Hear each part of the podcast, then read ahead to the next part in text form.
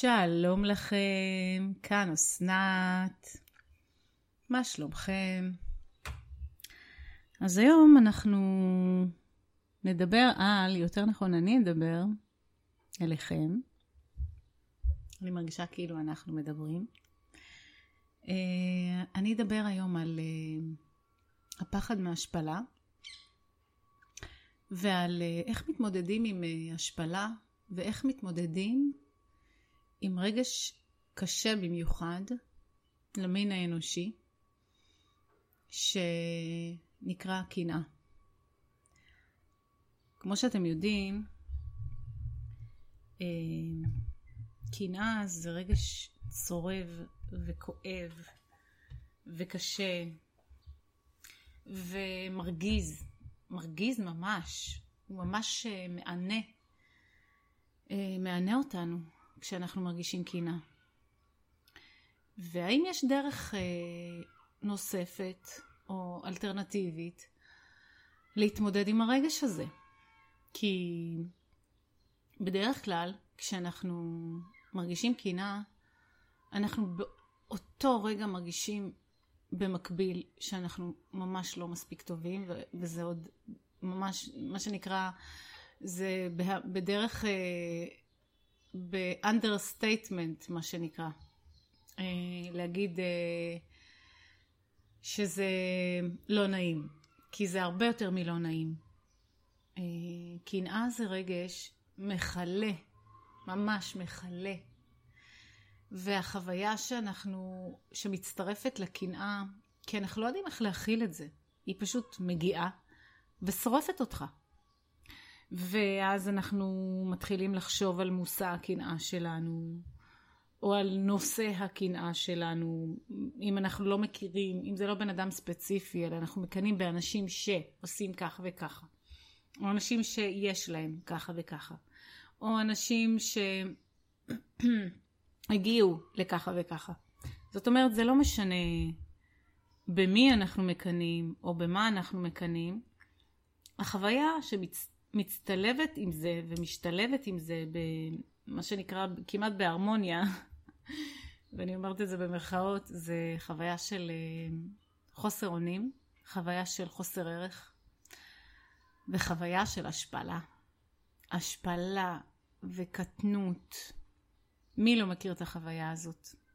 תחושת הקטנות הזאת, של הבושה הזאת, של, של אם הייתי לרגע מצליחה לסגור את הווינדו של הקנאה ושל מושא הקנאה ושל טריגר הקנאה ושל מפעיל הקנאה ומעלימה את כל הסיפור שהצית את הקנאה מלכתחילה, כאילו מצליחה למחוק, למחוק מהחלק הזה במוח את הזיכרון ואת הטריגר, והייתי רק מתרכזת בחוויה הפנימית בתוך הגוף שלי, הסערה הפנימית, התחושות בגוף, התחושות באנרגיה, איך האנרגיה שלי בתוך הגוף.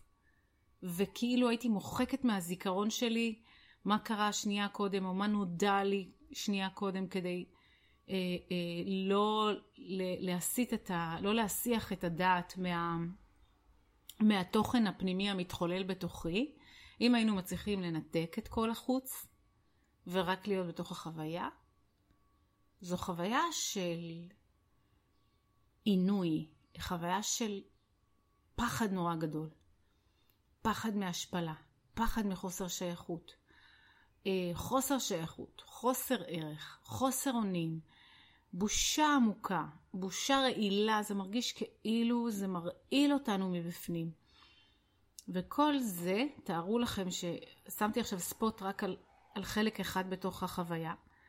אם אנחנו עושים את הספוט הזה, ומאידך נשים את הספוט על החוויה השנייה שהיא קנאה ו- ושריפה ו- ותחושה של אה, רצון אפילו, יש אנשים שהם חווים קנאה, תלוי מול מי הם חווים, אם זה מול אקס או אקסיט, או מול מישהו שהם בתחרות איתו, אז גם מצטרפת לשם שנאה ורצון לנקום. אני בכוונה מתקשרת את החלקים האפלים. והחלקים האלה הם נמצאים בכל אחד מאיתנו. בעצם בכל אחד מאיתנו יש את האור ויש את הצל. והצל הוא בעצם החוויות, הרגשות, התחושות, האנרגיות האלה שבאות, אה, שבדרך כלל מלהקים אותם, אנחנו מלהקים אותם לאנשים מסוימים, לאנשים שהם כאילו כאלה, אנשים רעים, אנשים נרקסיסטים, אנשים פסיכופטיים, אנשים אה, חסרי לב. וזה אומר שאם אנחנו מתייגים את זה רק על סוג מסוים של אנשים, ואנחנו לא מחשיבים את עצמנו לאנשים כאלה, אז זה אומר שלא יהיה לנו קשר עם הרגשות האלה כשהם מופיעים, ולא לא, לא נרגיש את הרגשות האלה במלואם. זאת אומרת, אם הם יצוצו בנו, אם, אם נחוש קינה ונחוש את הקטנות ואת הרצון להתרומם עכשיו מעל ולהוכיח את הערך שלי וכן להרגיש טוב מיד מיד מיד, או שאנחנו נדחיק, מכיוון שאנחנו מפחדים להפוך להיות האנשים הרעים האלה, אנחנו נדחיק את זה, או שנכעס על מי שגורם לנו לקנא, או שנתלונן שזה לא פייר, שלמה הוא כן ואני לא, זאת אומרת נבוא בטענה ל... ליקום, ל... למוסד מסוים, ל... לגוף מסוים, שכאילו למה הוא קיבל ואני לא, אה, להורים שלנו למשל, למורים שלנו, לאוטוריטות מסוימות אנחנו יכולים לבוא, או שאנחנו יכולים אה, להרגיש מיד כמו קורבן. זאת אומרת, אין איזה סוף של אה, חוויות משנה, אני קוראת לזה. חוויות משנה זה אומר, זה לא חוויה אמיתית. זה לא באמת הסיפור האמיתי שמה שקורה באמת בתוכנו. זה לא באמת מה שמתחולל בשורש. זאת אומרת, זה כמו סיפור משנה, זה כמו תפקיד משנה, זה לא הנרטיב הראשי.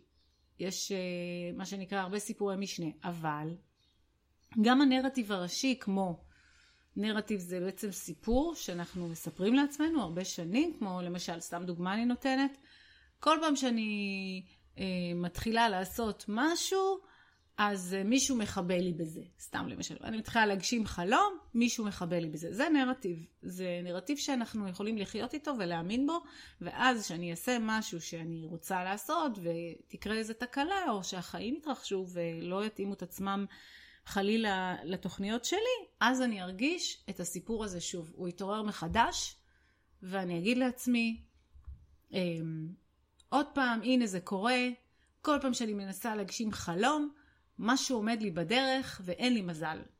ואם אני אחיה את הסיפור הזה לאורך זמן, אני גם אפסיק, אפסיק לנסות, כי אני אבין שאין טעם, כי הסיפור הזה הוא יותר חזק מה, מהאפשרויות שלי שהן בעצם בלתי מוגבלות. אותו דבר עם קנאה. קנאה יכולה להביא אותנו למקום שאנחנו נרגיש כאילו אין לנו מזל, קיבלנו קלפים לא טובים, מישהו אחר הצליח וזה אומר שזה בא על חשבוננו, כי אין מספיק לכולם. שוב, עוד אמונת גרעין אה, שגויה.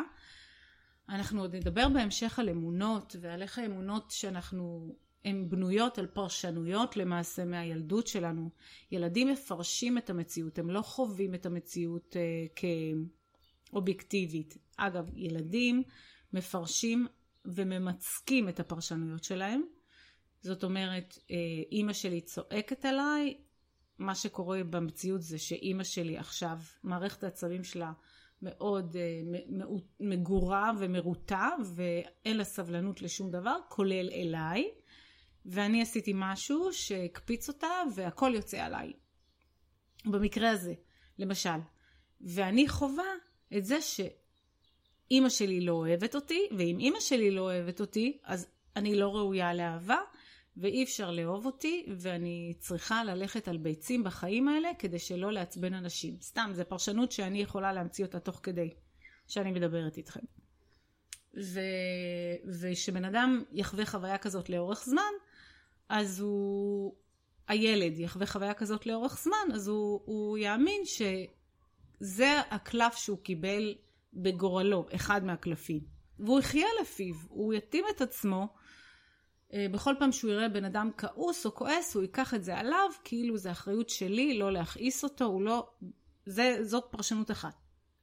אה, אה, פרשנות, וזוהי פרשנות ולמה היא פרשנות ולא תרגום, כי אם אימא שלי מתפוצצת עליי וכועסת עליי, והיא עוברת משהו בחיים שלה, או שיש לה הפרעת אישיות, לא משנה, אני אלך אפילו הכי קיצון, או שהיא אלכוהוליסטית, או שיש לה הפרעת אישיות, או שהיא סתם בן אדם ש... לא סתם בן אדם, אבל היא עברה איזה יום מאוד מאוד קשה, ועבר עליה סתם יום קשה מיני רבים, והיא כבר הגיעה לה עד כאן, ואני באתי לה בדיוק באמצע הדרך, עשיתי משהו שהרגיז אותה, והיא צעקה עליי, ואז אני יכולה להחליט את ההחלטות האלה. אבל אה, אם אנחנו נסתכל על זה במבט על, יכולים לראות, הילד לא, לא יעשה פירוש שהוא תרגום, אימא שלי עוברת משהו, אני לא יודעת מה יש לה, והיא מוציאה את זה עליי, ואין לזה שום הצדקה, אני בסך הכל ילדה טובה, ואני ילדה שראויה לאהבה, וזה לא מקובל עליי, נשמע תלוש, אה? לא מקובל עליי שהיא uh, תצעק עליי ככה, ולכן אני לא אקח את זה אליי, זה שלה וזה לא שלי. כן? שמעתם פעם את הביטוי הזה? זה שלך, זה לא שלי. ואנשים הרבה פעמים משתמשים בזה בצורה כל כך לא אמפתית, כשמישהו בא להגיד לכם שהוא נפגע ממשהו שאמרתם לו, ובמקום להקשיב ולשמוע מה, מה הוא משתף אתכם, אתם, אנחנו יכולים לבוא ולהגיד, תקשיב, זה שלך, זה לא שלי. מה שלימדו אותנו בתהליכים של ההתפתחות אה, אה, הנוכחיים, קואוצ'ינג, אה, פסיכולוגיה, טיפולים, מלמדים אותנו לשים גבולות, לא להתערבב עם האחר. אבל הילד מאוד מאוד מעורבב עם הסביבה שלו, וכילדים אנחנו בכלל, זה לא עולה בדעתנו שיש אפשרות כזאת, אנחנו מיד מערבבים, הכל קשור אליי,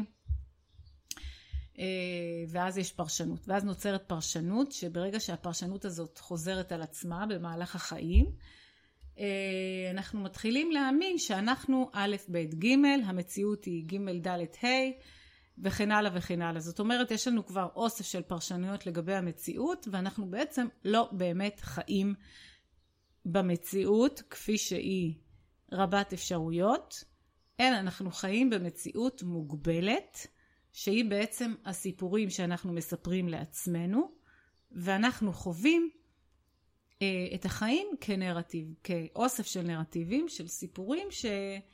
אה, את עצמם שוב ושוב. עכשיו, כשאני מדברת עם אנשים על העניין הזה, הם אומרים לי, אבל זה לא סיפור, זה באמת קורה, אני לא ממציא את זה, אנשים באמת אה, מקנאים בי, או אנשים באמת אה, לא מפרגנים לי, או אנשים באמת שמים לי רגליים ולא מעריכים אותי.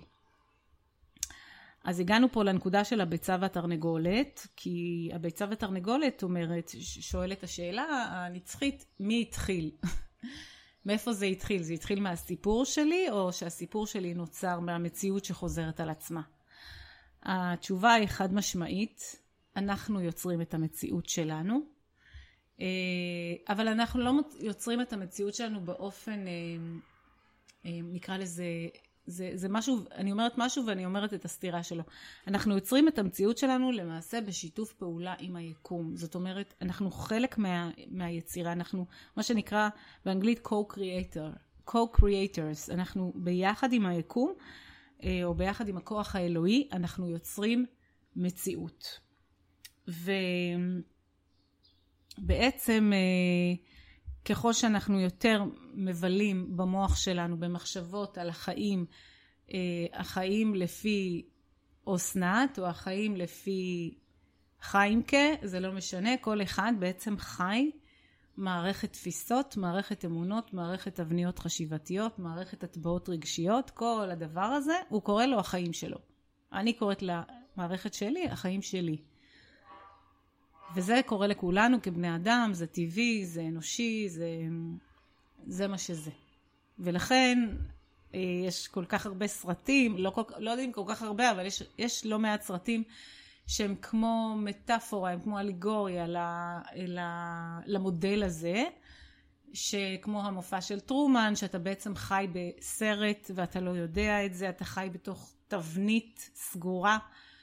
שהיא בעצם לא החיים עצמם, אלא היא תבנית בתוך התודעה שלך, שאתה מאמין שאלה הם החיים, כמו מי שלא ראה את המופע של טרומן, בבקשה רוצו לראות, ואל תראו את זה רק דרך העלילה הרגילה של הסיפור, אלא דרך החיים של האדם בעולם הזה, איך הוא אה, אה, חי את החיים שלו באמונה שאלה החיים, והוא לא מבין שיש במבט על אה, עולם שלם שמתקיים אה, באופן אחר לגמרי ומשוחרר לגמרי ממה שהוא מכיר, כי הוא נמצא לחוד בתוך התבנית שלו. אה, יצירת המופת, המטריקס, אה, סרט המט... אה, זה טרילוגיה למעשה של, אה, שנקראת המטריקס. מטריקס זה תבנית בעצם, תבנית. וזה בעצם החיים שאנחנו חיים, אנחנו חיים לפי תבניות, ואנחנו חיים בתוך הראש שלנו. אנחנו חיים בתוך המחשבות שלנו, והמחשבות שלנו יוצרות לנו חוויות, אה, הן ממגנטות אלינו, זאת אומרת אם אני מאמינה שאני לא אצליח בפרויקט, ואני לא אצליח בפרויקט, ואני לא מצליח בפרויקט, אז זה לא המצאה חדשה של ה-New Age, גם, ב, גם בתנ"ך כתוב, אשר יגורתי בא לי. אם זה, אולי זה לא בתנ"ך, אולי זה בתהילים, אני לא יודעת, אבל קחו בחשבון שאני לא תמיד מצטטת מהמקורות המדויקים. אבל זה הכיוון, זה בא מהיהדות. אשר יגורתי בא לי, זה אומר, מה שפחדתי ממנו, קרה לי. אה, וזו דוגמה לפי פחד. יש גם דוגמה לפי, אה, לפי עושר, כמו הבוטח, אה, הבוטח בהשם חסד יסובבנו. זאת אומרת, הבוטח בכוח עליון, למי מכם שלא משתמש במושגים האלה, חסד סובב אותו. אה, ישועת השם כהרף עין. זאת אומרת, יש משהו אה, גם בדתות המוקדמות יותר, ואני בטוחה שיש את זה בכל כך הרבה, אה, בכל כך הרבה דתות ופילוסופיות רוחניות שמדברות על הקשר בין עולמו הפנימי של האדם לבין האנרגיה הקוסמית שעובדת בשיתוף פעולה עם העולם הפנימי, הרגשי, האנרגטי, המחשבתי של האדם. לכן אנחנו לא באמת תלושים בחיים האלה ונמצאים אה, במצב שהכל קורה לנו ואנחנו חסרי אונים בתוך החוויה הזאת. זאת החוויה של הילדות למעשה. הילדות היא חוויה באמת של חוסר אונים, קורה לנו, עושים לנו, אוכלים לנו, מאכילים אותנו, מחליטים עלינו. קובעים לנו, אה, נתקענו עם המשפחה, אתה לא מחליף משפחה באמצע החיים, אתה, מה שקיבלת בקלפים, אתה מתמודד עם זה עד גיל מסוים, עד שאתה מחליט ליצור לעצמך חיים משלך. עד אז אתה חי חיים של אחרים למעשה, אתה חי את החיים, את המבנה, את התבנית שההורים שלך אה, טבעו והחליטו עליה, ואת עולם המושגים שלהם, ואת עולם הערכים שלהם, ואת ההכתבות שלהם. אז זה באמת תקופה קשה שמכתיבים לנו. אנחנו קצת בכלא. אה, זה נשמע לא טוב, אני יודעת, אבל אה, לילד לא קל. לילדים לא קל, תשאלו ילדים, גם ילדים שטוב להם ונחמד להם. הם, אה, יש להם כל מיני חלומות שקשורים לעצמאות שלהם. הם רוצים את העצמאות שלהם בסופו של דבר. ואת הידיעה שהם יכולים לעשות מה שהם רוצים, ומתי שהם רוצים, וכמה שהם רוצים. זה חלום של ילדים להיות uh, עצמאים. Uh, עכשיו, אני פתחתי פה הרבה נושאים ותת נושאים, ובכל זאת אני רוצה, ובכל זאת אני רוצה לחזור לעניין הקנאה אה, ולעניין ההשפלה. זאת אומרת שכאשר אנחנו מופעלים דרך התרחשות חיצונית בחיים של מישהו אחר או בכלל, נתקלנו במשהו, זה הפעיל אצלנו את חוויית הקנאה וחוויית ההשפלה. וחוויית חוסר האונים וחוויית הלא מספיק כי הקינה היא בעצם אה, יש לו משהו שלי אין ואני גם לא מאמינה שיהיה לי את זה. אחרת זאת הייתה פשוט השראה. תחשבו שיש קנאה שאנחנו מקנאים ולא מאמינים שמה שאנחנו מקנאים בו בעצם יכול לקרות גם לנו. אז אה, נשאר לנו רק לקנא, נכון? לא נותר לי אלא לקנא. מכירים את זה?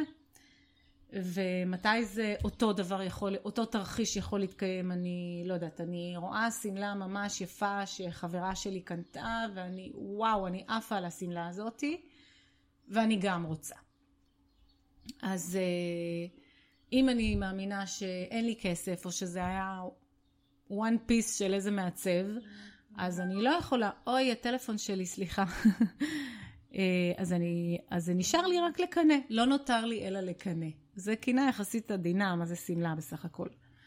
אה, אבל אם אני רואה את השמלה הזאת ואני אומרת לה, מאיפה קנית אותה? והיא אומרת לי, אה, בחנות הזאת והזאת, יש להם מבצע, כדאי לך, בלה בלה בלה. אז מה היא בעצם נותנת לי? היא נותנת לי drive, היא נותנת לי השראה, היא נותנת לי כיוון, ואני הולכת וקונה. אז אותה חוויה יכולה להפוך להיות קנאה בחוסר אונים, ובחוויה שלה יש ולי אין, או שבאותה מידה אני יכולה להסתכל על הדבר הזה שאני מתלהבת ממנו וגם רוצה לעצמי, אבל אני, מה, מה שמשנה את הקנאה מהשראה ו drive זה שבקנאה יש חוויה של אמונה, זה לא אמיתי, אבל יש אמונה של כיף לו, כי לי בחיים לא יקרה דבר כזה, או אני לא יכולה להגיע לדבר כזה.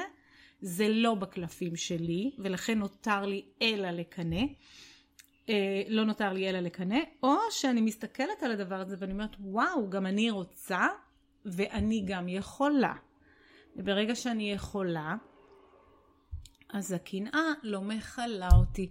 מה שנקרא קנאת סופרים, אה, שזה, אני שואלת את זה ממושג מעולם אחר של אה, אומנות, קנאת סופרים זה אומר אני מקנא בו, קנאת סופרים זה אומר אני מקנא, לו, מקנא בו והוא מפרגן לו באותה מידה כי אני עף עליו, אני מתלהב ממנו, וואו, הלוואי ואני הייתי כותבת את הספר הזה, אבל זה לא מוריד מזה שאני מתלהב ממנו ואני מעריך אותו מאוד.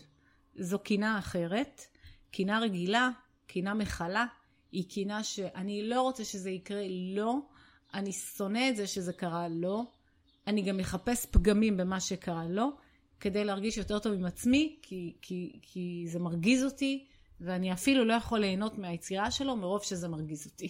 בקנאת סופרים אנחנו יכולים ליהנות מהיצירה של האחר, למרות שאנחנו אומרים, וואו, אני מקנא, גם אני הייתי רוצה לכתוב כזאת יצירה, למשל. אבל זה מעורר השראה, קנאת סופרים, וקנאה רגילה היא לא. אז הקנאה, מה שאני קוראת לה קנאה רגילה, זה לא בהכרח רגילה, יש הרבה, אין רגיל ולא רגיל, אבל הקנאה המוכרת לנו, שאנחנו מגנים אותה כחברה, אנחנו מגנים קנאה. יש, זה מין רגע שהוא זכה להרבה גנאי, ומאוד מאוד חבל. כי זה גורם לנו להתנתק מעצמנו. כי אם אנחנו יכולים להגיד ימותו הקנאים, אה, הוא קנאי, קנאית, אתה, אם יגידו לך תיזהר ממנו הוא קנאי, אתה מיד יש חוויה של שלילה, זאת אומרת שהבן אדם הוא בן אדם שלילי, הוא בן אדם קנאי והוא בן אדם לא טוב, במילים אחרות. הוא בן אדם רע, לא טוב, אה, לא טוב לך להיות עם מישהו כזה.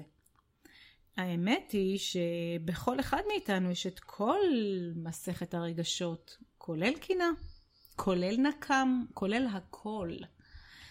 אם אנחנו חושבים שאנחנו מעל זה, אפשר להגיד שאכלנו אותה. אם אנחנו לא מוכנים להכיר חלקים בתוכנו, את החלקים, את הצל, אה, מי ש... נדמה לי מי שכינה את זה הצל זה לראשונה uh, shadow shadow work או shadow side, הצד האפל זה הפסיכו, פסיכואנליטיקה נדמה לי, פס, לא הוא היה פסיכיאטר אני חושבת, פסיכיאטר אה, קרל יונג, סליחה שאני שוב, יש מושגים שאני לא זוכרת פרטים, אבל קרל יונג definitely זה עבודה שלו, עם התת מודע, עם החלק של הלא מודע, ו... אני מאוד אה, אוהבת את העבודה שלו, אני חושבת שהוא כלל להרבה דברים בנפש האדם, ואחד מהם זה עניין הלא מודע, זאת אומרת אה, ברמה הלא מודעת, בכולנו יש את החלקים האלה, וברמה המודעת אנחנו יותר שמחים להזדהות עם החלקים היותר פוטוגנים שבנו. אנחנו מפרגנים, אנחנו אוהבים, אוהבים לעזור, לא שומרים טינה, סלחנים, נדיבי לב, לה לה לה לה לה לה. זה נכון, זה לא סותר. אבל בתוך כל אחד מאיתנו יש חלקים שמבקשים לעבור בעצם טרנספורמציה מהחושך לאור. זו ההתפתחות, זו האבולוציה האנושית. אנחנו אמורים לעבור מהחושך לאור.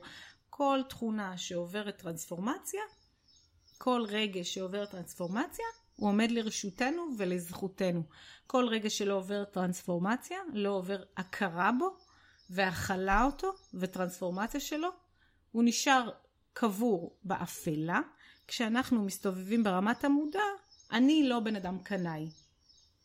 וכשבן אדם שהוא, במרכאות, לא בן אדם קנאי, חווה פתאום חוויה לא צפויה של קנאה, הוא ילך עם זה, הוא לא יקשיב לגוף, אלא הוא או שהוא, או שהוא ישליך את זה על עצמו שהוא פשוט לא מספיק טוב, או שהוא ישליך את זה על הבן אדם השני שהוא לא מספיק טוב ואין מה לקנא בו כי הוא בכלל לא משהו. בכל מקרה תהיה שם המון עבודה של רציונליזציה. רציונליזציה זה אומר שאנחנו, משהו קורה במערך הרגשי שלנו, רגשי, חשיבתי, תפיסתי, משהו קורה. קורה משהו שמפעיל אותנו לתוך, מפעיל אצלנו משהו, איזשהו כאב, איזושהי מצוקה, איזשהו מעשה שעשינו בצורה אימפולסיבית, וכדי להצדיק את זה, וכדי לגרום לזה להתיישר עם העולם שלנו בלי שנרגיש שנפלה עלינו פצצה או יש משהו שמבקש מאיתנו העמקה, אנחנו נסביר את זה הגיונית, אנחנו נצדיק את זה, אנחנו אה, נסדר את זה. קוראים לזה רציונליזציה. נסדר את זה הגיונית, שזה יהיה הגיוני. אז אם למשל אני מקנאה, ואני לא מכירה בזה שיש בי חלק שהוא קנאי, זאת אומרת לא מכירה בצל שבי, יש בי צל, לא מכירה בחלק הזה, ואני מאמינה שאני בן אדם לא קנאי בעליל, בחיים לא, שאנשים אומרים למשל בזוגיות, אני לא בן אדם קנאי. אלה שהם לא קנאים בזוגיות, במרכאות לא קנאים, אלה יעשו הרבה עניינים של פאסיב אגרסיב, ולא יכירו בהישגים של בן הזוג שלהם. הם ימעיטו בהכל, הם ימעיטו בדברים שמעוררי קנאה, והם גם ימעיטו בדברים ה... ה... ה... הלא מעוררי קנאה, שמבקשים אה, חיבוק, שמבקשים חיזוק. זאת אומרת, יש שם משהו שהוא יהיה מנותק מה... מהתוכן הזה. אז איך אומרים never say never, אף פעם לא נגיד על עצמנו ולא כדאי שנגיד על עצמנו. אני לא בן אדם ששומר טינה, אני לא בן אדם שהוא קנאי, אני... זה דברים שהכתבנו על עצמנו כסיפור, כדי לא להרגיש רגשות קשים, כדי לא להרגיש שאנחנו, כדי לא להרגיש את הרגשות האלה. כי אם אתם, תעשו ניסיון, אם תרגישו פעם אחת קנאה, אה, מאוימים ממשהו שמישהו אחר עושה, השוואה שאתם תשוו את עצמכם למישהו ותרגישו מיד קטנים ולא מספיק, תעשו ניסיון. במקום ללכת לסיפור של להקטין מישהו אחר בראש שלכם, שלא מגיע לו, לי מגיע יותר, ועוד ועוד ועוד, יש לזה המון גרסאות, אני לא אכנס אליהן. או הצד השני זה הצד של הקורבן והקדוש המעונה, זה לא פייר, אני יותר טובה, לי מגיע יותר, איך הוא קיבל, איך היא קיבלה, ואני אני זאת ש, שמשקיעה, אני זאת שאני טובה בזה, זה התחום שלי, אני יותר טוב, לא יודעת מה. אני בן אדם טוב, מגיע לי, היא בכלל לא בן אדם טוב, איך היא קיבלה את זה. כל מיני סיפורים של הקדוש המעונה והקורבן, ואלה החלקים המחבלים לנו בחיים האלה, זה תפיסות, גם אליהם מתייחס... אה, קרל יונג אה, כארכיטיפים. זאת אומרת, ההתייחסות שלו לארכיטיפים זה אומר, ארכיטיפ זה אב טיפוס, זאת אומרת זה מין אה, אה, סוג של תת אישיויות, כמו שיש אישיות, אז יש תת אישיות. בכל, בכל אחד מבני האדם יש את הפרסונה המוכרת והיא בנויה מתת אישיויות. עכשיו הארכיטיפים הם, הם דברים שהם בעצם קולקטיביים, הם הם אה, אוניברסליים, זאת אומרת הם נמצאים לא אוניברסליים כי זה אוניברסלי זה קוסמי אבל נקרא לזה פלנטריים כלומר, כלומר זה מת, מתפרס על האנושות. כל בני האדם אה, מכירים את החוויה של להרגיש קורבן זה לא פייר אכלו לי שתו לי עשו לי לקחו לי לא נתנו לי לא נתנו לי הזדמנות לא נתנו לי צ'אנס אה, זה לא פייר אני התאמצתי אני עשיתי והקורבן יש לו בן דוד הקדוש המעונה הקדוש המעונה, אני עושה את העבודה, אף אחד לא מעריך, אני נותנת ונותנת, אף אחד לא נותן כלום בחזרה. אני הלכתי ולמדתי את כל הדברים האלה, ובסוף מישהו שלא למד כלום הלך וקיבל את התפקיד הזה. זאת אומרת, לא פייר, לא פייר. וכל התכנים האלה הם בעצם רציונליזציות והם דיבורים, הם תפיסות, הם קשורים לשכל, הם קשורים ל mind. הם קשורים למחשבות שיושבות על תבניות שחוזרות על עצמם ומחיות מחדש את הנרטיב, את הסיפורים האלה שגדלנו עליהם שלא פייר ואין לנו צ'אנס ואין לי כסף וזה לא פייר ולמה לא נותנים לי ולמה לא קונים לי ולמה אף אחד לא רוצה אותי. כל הדבר הזה, ככל שאנחנו יותר נלך אליהם, זה מזין את החוויה של הכאב, את הפציעה הרגשית, הפציעה הרגשית מזינה את המחשבות האלה וזה נשאר בלופ במעגל סגור. אז מה עושים? שאלה מצוינת. מה שאני יכולה להציע לכם מתוך העבודה שלי האישית עם עצמי וגם בעבודה שאני עושה בקליניקה, בחדר הטיפולים, זה הסכמה ללכת על הגחלים. זה, זאת ההסכמה ללכת על הגחלים, זאת אומרת, קחו נשימה עמוקה, תעזבו הכל, שבו ואל תזוזו, שבו. ת, תמצאו לכם חדר פנוי, משהו שקט, מקום שקט להיות בו, אפילו אם אתם באמצע עבודה, שמעתם על חבר או קולגה שקיבלו קידום שאתם הייתם בטוחים שאתם הולכים לקבל אותו. וכל הדבר הזה צף, הקנאה והחוויית הקורבן והקדוש המעונה וזה לא פייר והקטנות ואני לא מספיק טוב וזה לא פייר ואיך אני לא, כלום לא הולך איתי ואני לוזר ואנחנו הולכים ללכת לכל הקצוות שבעולם, כל התוויות שבעולם יעלו. קחו את עצמכם לצורך העניין לשירותים, אם אתם בעבודה, או לכל מקום שאתם יכולים להגיד, אני מקיפה את עצמי בארבע קירות כלשהם ולא פוגשת בן אדם אחר.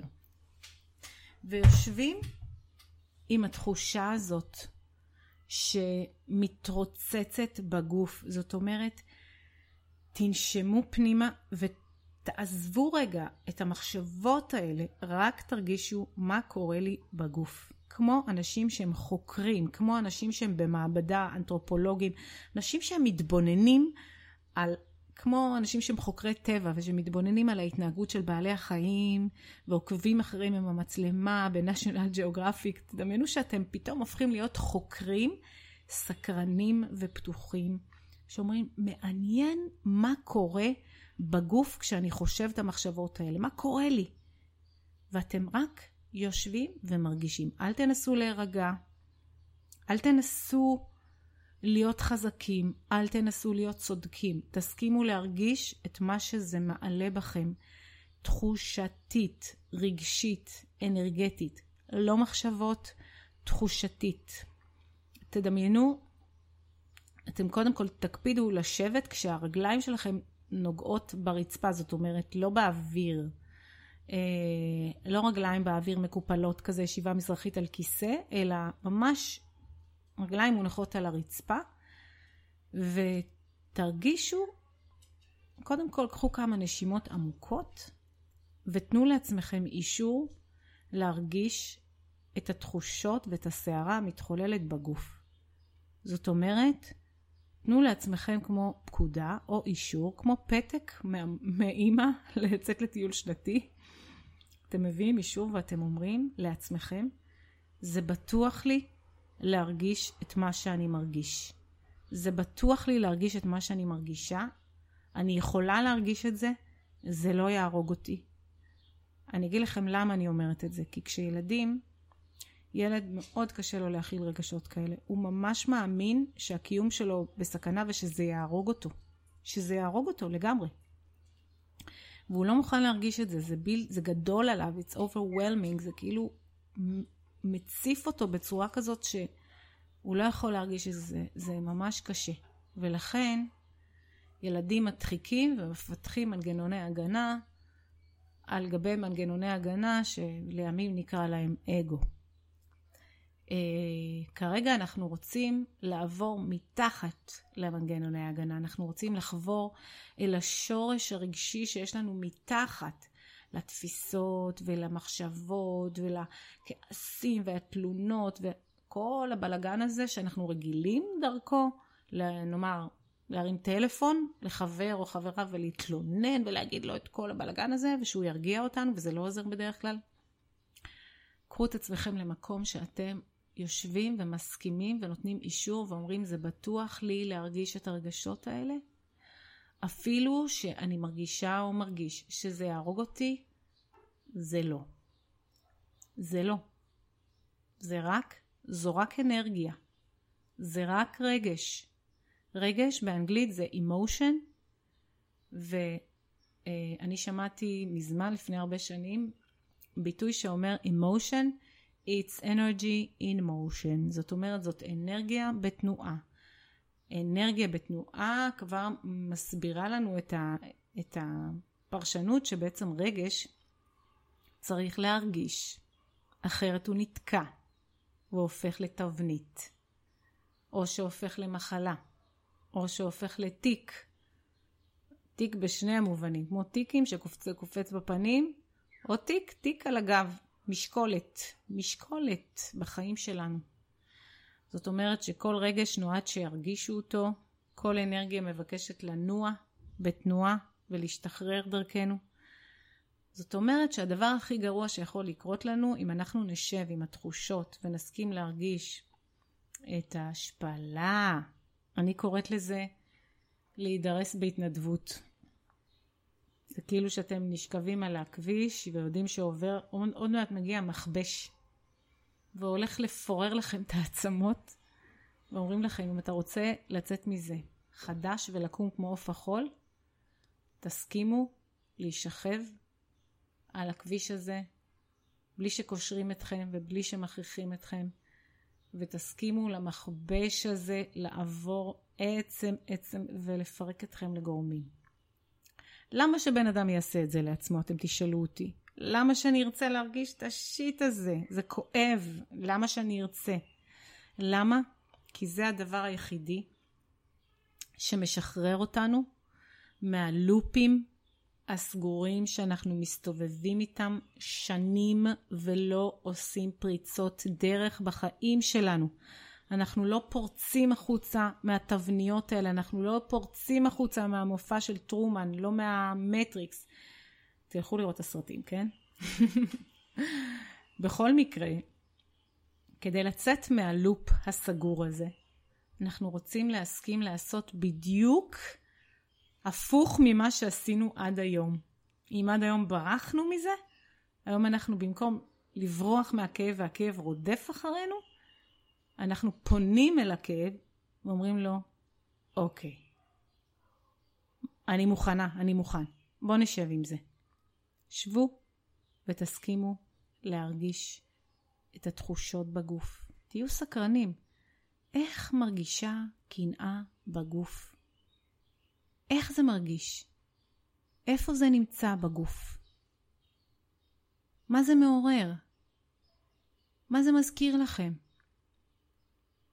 איך מרגיש בגוף חוסר אונים? איך מרגישה בגוף השפלה? איך זה מרגיש? פחד, פחד מהשפלה. פחד שאני לא מספיק טובה. איך זה מרגיש בגוף? חוסר שייכות. איך?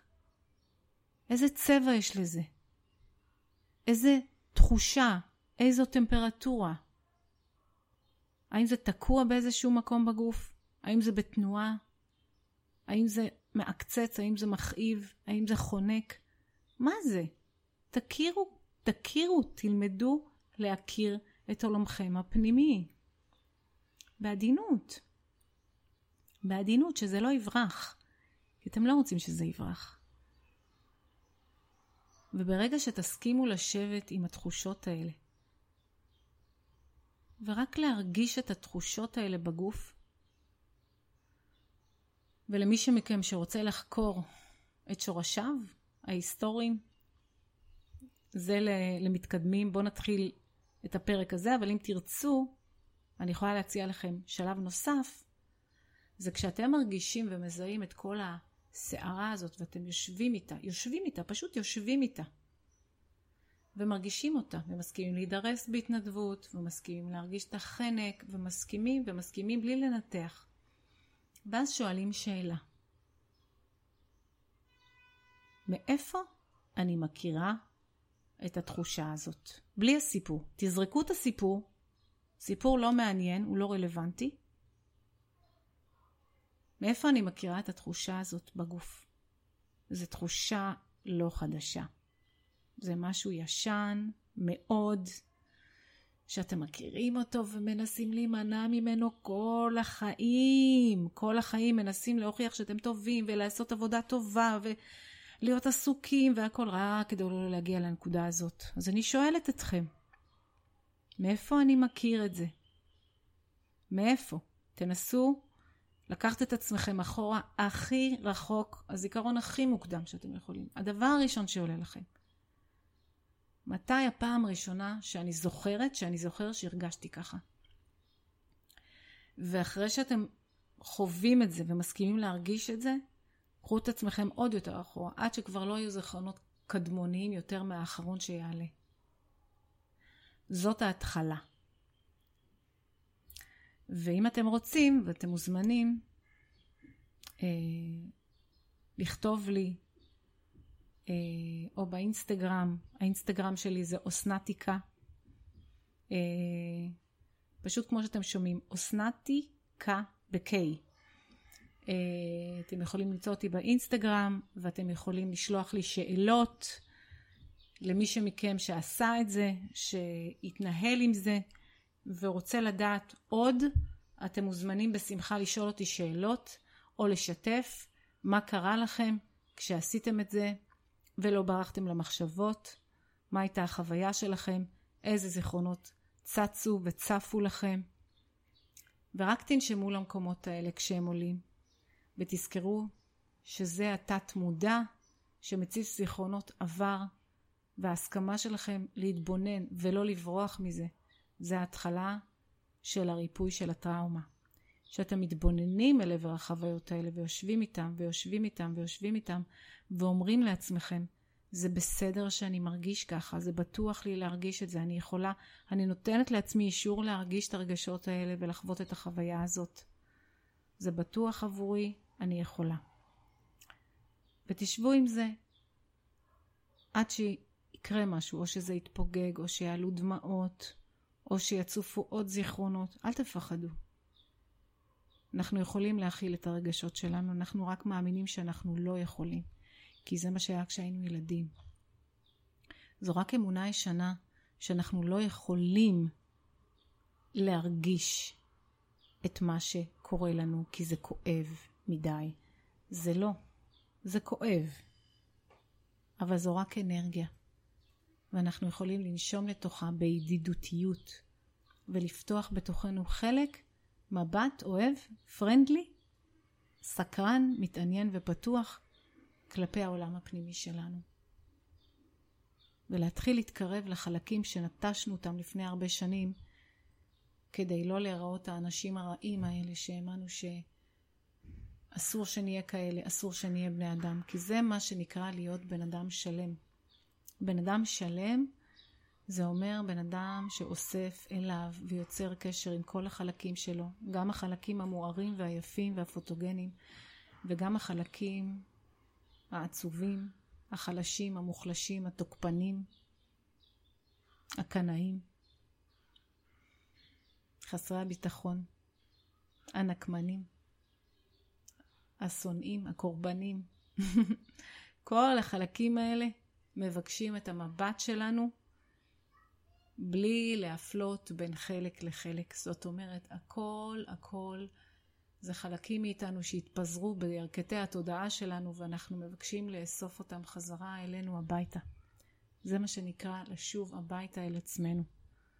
וזה לא להיות הבן אדם הכי מושלם בעולם, זה להיות הבן אדם הכי שלם בעולם. שאנחנו יכולים, זה הגרסה הכי טובה שלנו.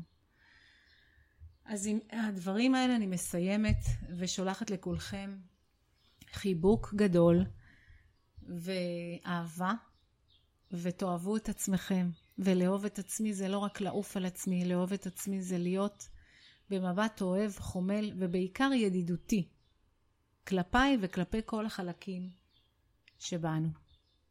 עד הפעם הבאה. ביי.